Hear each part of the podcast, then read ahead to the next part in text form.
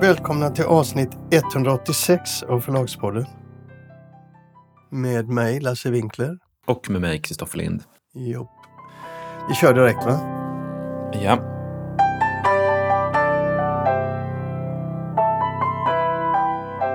I den första punkten vi tar upp det är ju andra inslaget om eh, SVTs Uppdrag granskning och deras stoppade sändning eller granskning av Salomonsson Agency och Niklas Salomonsson.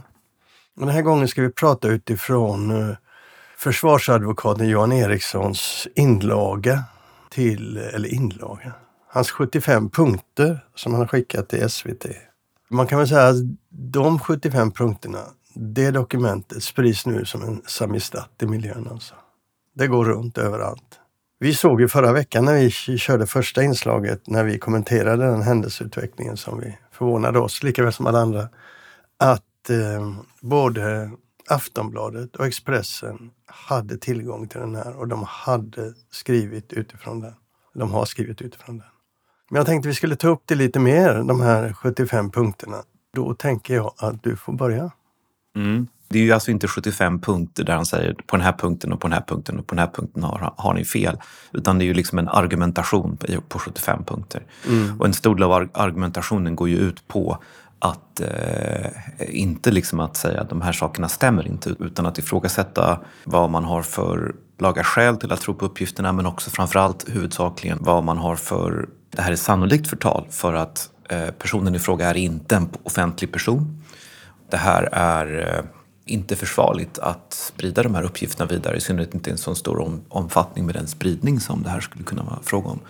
Och sen hänvisar Johan Eriksson mycket skickligt till olika fall. Någon HD-dom där två reportrar hade hängt ut, eller det var två poliser som hade hängts ut i någon, någon UG-sändning som hade beskrivits som brottsliga och det hade de blivit fällda för. Han eh, hänvisar också till någon uppgift om den här agenturen som hade framkommit på i Karin 21.30 där de hade blivit fällda av granskningsnämnden. Och han, utöver då de här rent förtalsmässiga aspekterna, så går han ganska hårt också på medieetiken och eh, de eh, medieetiska regler som Sveriges Television liksom har skrivit under på, pressombudsmannens etiska regler och så vidare.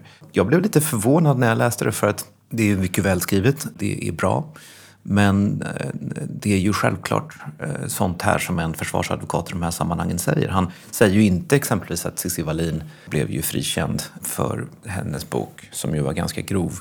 Det finns ju mycket man kan säga mot det här också. Så att jag, jag, tycker, jag, jag är liksom lite förvånad över att SVT la sig efter det här. För jag tyckte inte att det var så starkt som jag trodde faktiskt. Nej, alltså jag, jag, jag tänker så här. Alltså, en av landets mest omtalade och välbetalda försvarsadvokater visar ju att han gör skäl för lönen.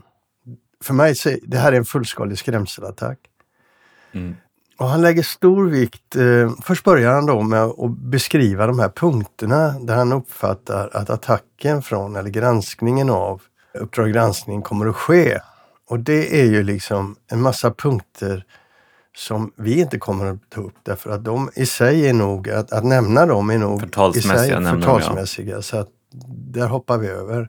Men jag tänker på det, om den här sprids som den gör nu, den här, de här punkterna, och de kommer ut internationellt, så ställer de till väldig skada för Niklas Salomonsson.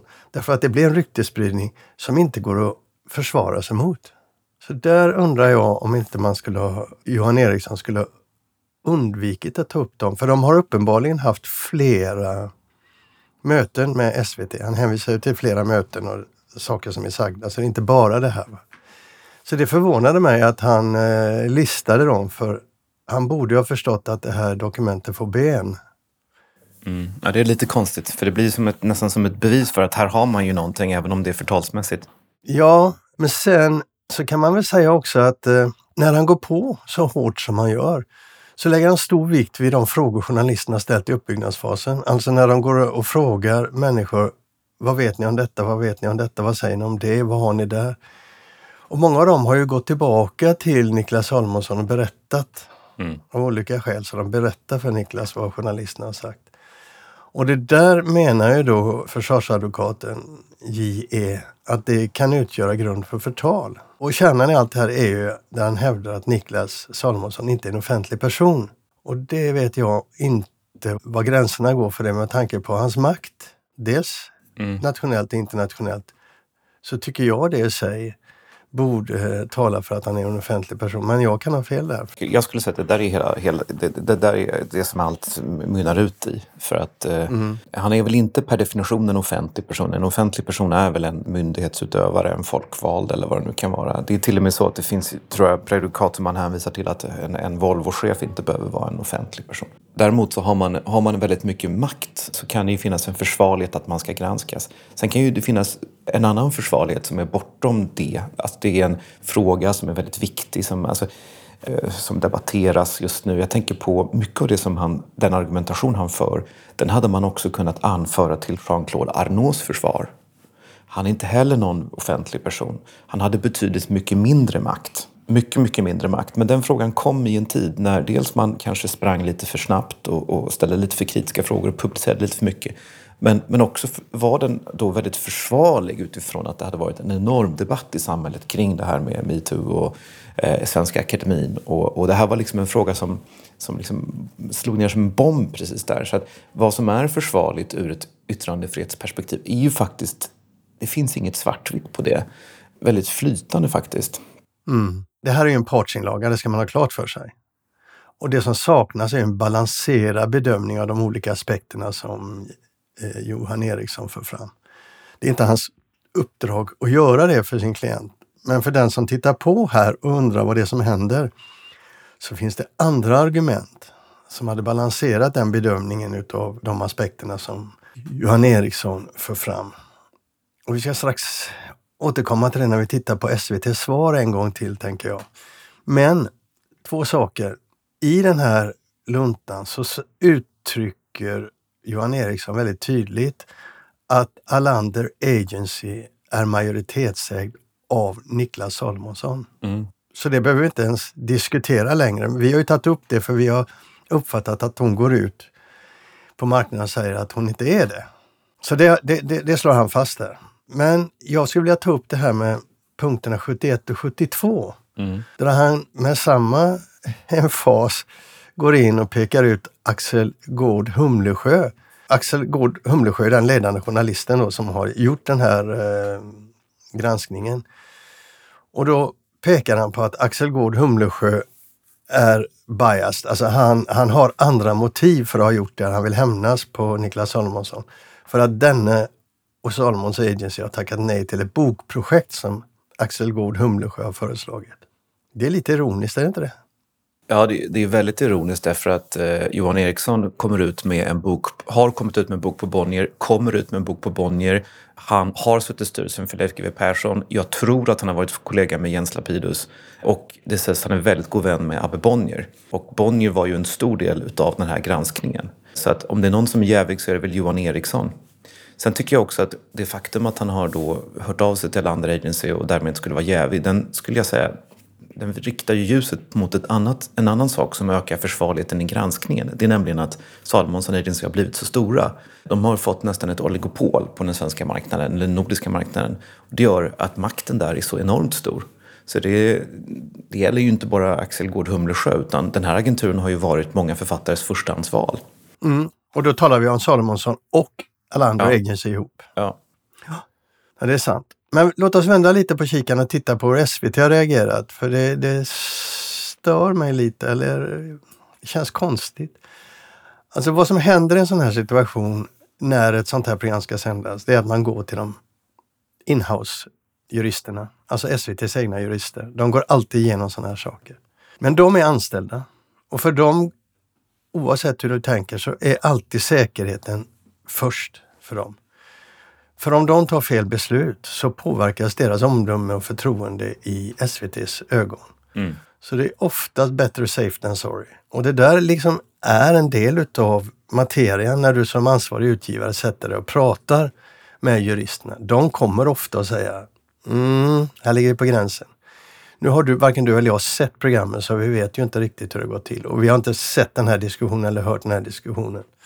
Men ansvarig utgivare då, i det här fallet Axel Björklund, har ett utrymme för att kunna gå vidare. Och, ofta när man tittar på sådana här saker så kan det vara så att ansvarig utgivare säger vi kör ändå för det här är viktigt, bla och bla och bla och bla. Men de måste då ha stöd uppifrån. Axel Björklund kan inte gå ut och ta det beslutet. Han kan ju det som ansvarig utgivare, men han måste ändå gå upp, när det är tveksamt så måste han gå upp och prata med ledningen. Mm. Har han det stödet? Det vet inte vi. I slutändan handlar det om kvalitet på materialet. Och här vet vi inte du och jag, så det ska vi vara väldigt tydliga med. Eller jag ska vara väldigt tydlig med det att jag vet inte hur de här samtalen har förts, men jag tycker mig kunna ana eh, en klassisk konflikt här och det är den mellan redaktionen och ansvarig utgivare. Det brukar vara så i sådana här lägen om, om ansvarig utgivare säger nej. Om det inte är helt uppåt väggarna så brukar redaktionen tycka att men det där måste vi väl kunna sända. Ansvarig utgivaren säger nej. Och det är ju ansvarig utgivarens roll så det är inte så mycket att tala om. Men jag, jag misstänker att det finns en, en eh, konflikt och det ska bli intressant att se hur SVT tar den här frågan för de kan inte bara nu gå in i dimmorna och säga att ja, vi har pausat och vi har pausat och vi har pausat. Precis så som du beskriver måste det ju vara men vad som, vad som förvånar och irriterar mig det är ju att alla de här medieetiska diskussionerna måste de ju ha, ha vrid och vänt på. Förtalsfrågan måste de ha vridit och vänt på. De hade tre program som var färdigklippta och skulle ut. Och sen så kommer den här inlagan från Johan Eriksson och då bestämmer man sig för att ställa programmet. Eh, de hade ju uppenbarligen sänt om inte inlagan hade kommit. Ja, det vet jag inte, men jag vet ju att... Nej, det kan vi inte veta, men jag menar, de, de visste ju vad de hade för material och det valde de att ändå gå vidare med. Ja, och de hade pratat med Johan Eriksson innan. Så det här, det här var ju en, en frontalförsvar eh, så att säga, men alltså Johan Eriksson gick långt ut nu för att försvara sin klient för att få dem att fatta, passa er. Och så är det någonstans, här står ju ingenting om detta att försvaret i så fall tänker eh, kolla upp vilka som är källor och så. Utan den informationen har ju SVT fått en annan väg. Den vill nog ingen sätta på pränt. Min känsla är att sannolikheten att det skulle bli en förtalsrättegång är närmast obefintlig. Det är bara skrämsel, men det kan man ju inte veta förstås. Nej, för då kommer ju väldigt mycket mer att komma upp på banan. Det kommer i så fall bli en förtalsrättegång som kommer att vara välbevakad. Men jag tror ju fortfarande det är så att om SVT backar så kommer de här frågorna ändå läcka ut. Ja, nej, vi får fortsätta följa detta. Vi kommer att fortsätta följa detta. Nästa punkt. Och det handlar om två stycken författare som har bytt förlag nu. Det fick mig att fundera lite. Du får chansen att börja här också. Båda går som vanligt till eh, Sveavägen, till Bonnier. Vilka författare är det då? Det är Caroline Ronqvist som företräds av Alander Salomonsson Agency. Och sen så är det då Andreas Cervenka som företräds av Alba. Albatross. Albatross. Om du börjar med att prata runt Ramqvist så pratar jag runt Cervenka. Jag eh, tycker ju att hon är en fantastisk författare och håller med igenom att hennes bok, den senaste, var en av de bästa som kommit. Och jag tycker att det, men det finns ju så många skäl till att man vill byta och hon har funnit, legat på Norset så länge så det kanske, liksom, det, det kanske är helt, eh, helt rimligt och, och, och rätt sådär. Men känslan man får är ju att det är en sån här klassisk eh, agentflytt. Och eh, känslan man får är också att gräset är alltid grönare på Bonniersidan. När Caroline Ronqvist kommer med en bok så är hon ju liksom nummer ett på Norsets och på Bonnier kommer hon vara en av sex. Mm. Vi ska ta, gå in mer på det för att när det gäller Andreas Cervenka så blir det mycket mer uppenbart. Han går från natur och kultur till Bonniers. Han lyckades ju fenomenalt med sin bok Girig Sverige som var fjolårets näst mest sålda fackbok. Och det ser ju i mina ögon ut som ett bra jobb av förlaget och författaren, även om tur också är inblandat när det är sån utveckling av en bok. Och när han gav ut den boken så hade han ingen agent. Ändå så fick han ju enorm utväxling. Så han borde vara nöjd med sitt förlag.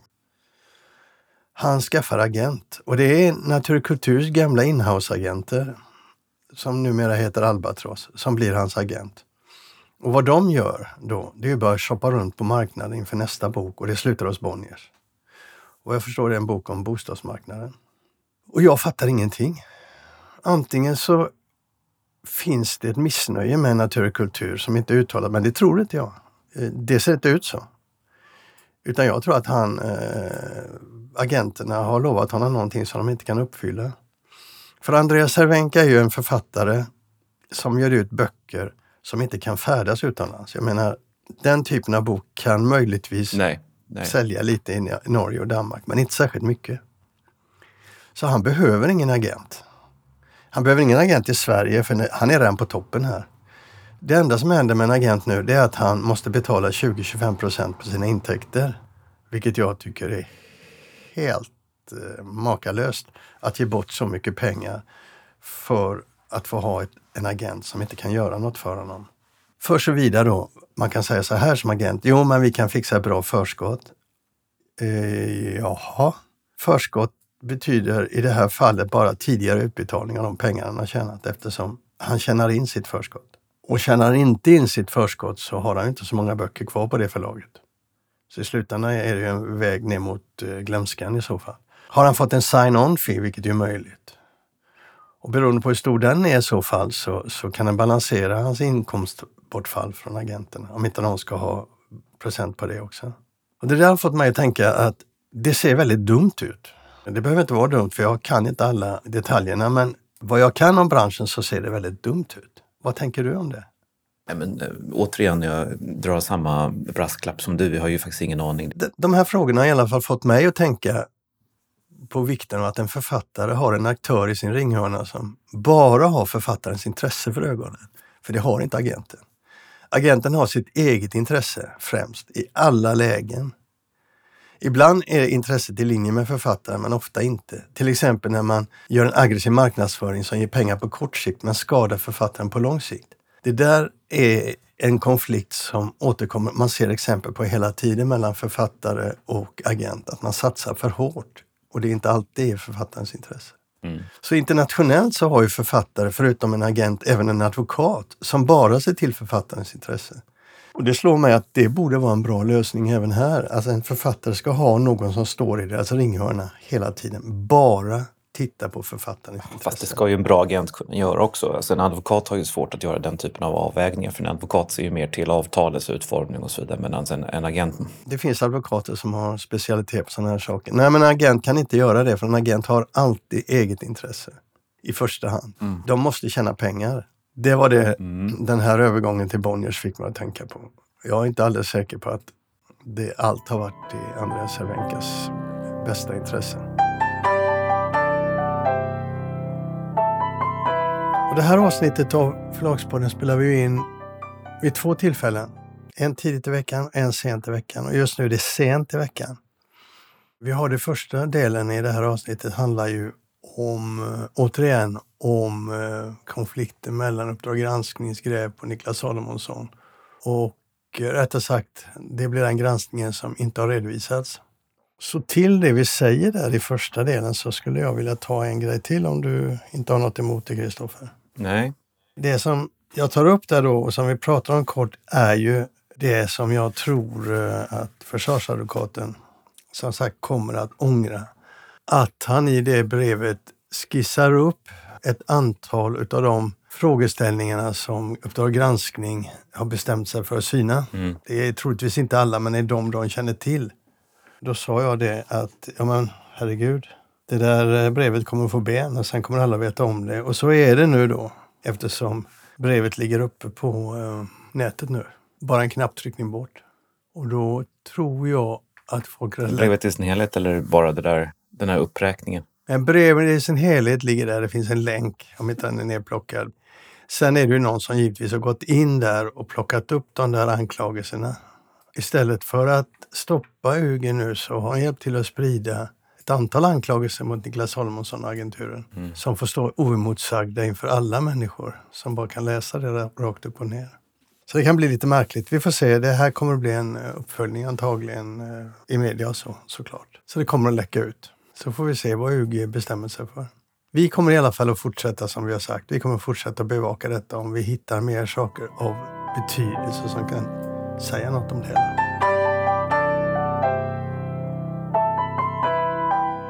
Och vi har haft eh, ett inslag, flera inslag som har pratat om den här rättegången i USA som blev när regeringen undersökte, eller rätt sagt eh, de tog eh, Penguin Random House köp av Simon Schuster till domstol och fick stoppat det köpet. Och då sa vi det att eh, vi vet att ägarna till Simon Schuster, Paramount, vill fortfarande sälja. För de ser Simon Schuster som en, en främmande fågel i det egna boet så att säga. Och nu har man då redovisat det bästa kvartalet tror jag man har haft på otroligt länge. Alltså Simon Schuster har växt och växt och växt och blivit mer och mer lönsamt. Och nu är de återigen till salu. Så den processen säger ägarna Paramount att den sätter igång nu. Mm. Och då gör de det. Ska du lägga bud? Ja, klart jag ska göra. Men de gör ju det utifrån en situation där allting är mycket, mycket mer lönsamt och allting är mer intressant. Men där pengar kostar mer, det vill säga det är dyrare att låna. Men de räknar med att de ska få rätt många bud och den första ska komma redan i juni. Och sen hoppas man att köpet ska vara klart det här året. Och det är fort... Vilka är det som kan tänkas köpa då när, när Penguin Random House inte fick köpa? Ja, om det är ett annat förlag så är det ju eh, Harper Collins eller Hachette tror jag. Mm. Jag har svårt att se någon annan som kan lägga ett bud på en sån stor verksamhet ändå som det. Men det kan lika gärna vara eh, riskkapital i och med att Simon Schuster har gått så pass bra. Och det intressanta är, vi har ju pratat mycket om det och kommer att prata mycket om det, det är hur enormt förändrad exportförsäljningen är för de här engelskspråkiga förlagen. Och där säger ju vdn Carp på Simon Schuster att en av orsakerna att det har gått så otroligt bra är ju deras eh, försäljning, exportförsäljning och framförallt är det marknadsföringen via TikTok och BookTok och, och, och författare som Hoover och Jenkins Reid som har varit jättestora för dem. Och det som skiljer allt det där, som man säger, är ju att under många, många år så var möjligheten att via nätet hitta böcker, lansera böcker. Det är inte längre ett problem, säger han. Vi har bara fördelar av det nu. Vi kan använda nätet på ett sätt som vi inte har kunnat för. Och det där är ju kärnan i väldigt mycket av de framgångarna vi ser på de brittiska och amerikanska förlagens försäljningar. Och som gör att det är svårt för oss, till exempel i Europa, att komma åt det. För nätet har ju inga gränser. Det går ju rätt över hela världen, som har sagt förut. Men, men, vi ska följa det där budgivningen för det kommer vara den största försäljningen och en av de viktigare försäljningarna i den internationella bokbranschen det här året. Kan man tänka sig att det finns, du, du talar ju om eh, Harper Collins eller Hachette. Hachette och det är ju det enda som kan köpas, tänka, tänkas köpa om det är någon i förlagsbranschen. Eller ta också om att det kan komma någon helt annan som riskkapital. Kan man tänka sig någon annan affär att liksom typ Amazon Audible köper för att de har mycket ljudboksrättigheter eller att Apple köper, alltså någon sån. Någon som behöver innehåll liksom. Ja, det vore ju en spännande tanke, men då får man ju tänka sig mycket, en mycket tydligare strategisk ingång i det än att de behöver innehåll. För det är en jättestor affär. De har ju pengarna, men de ska också hantera det. Tittar du på Amazon så har ju Amazon mer och mer gått ifrån fokus på böcker.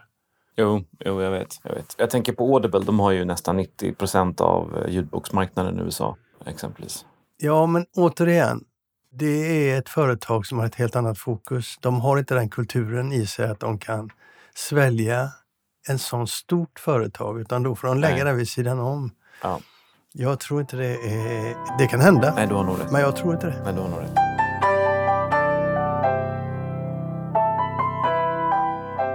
Det var allt för avsnitt 186 va? Ja.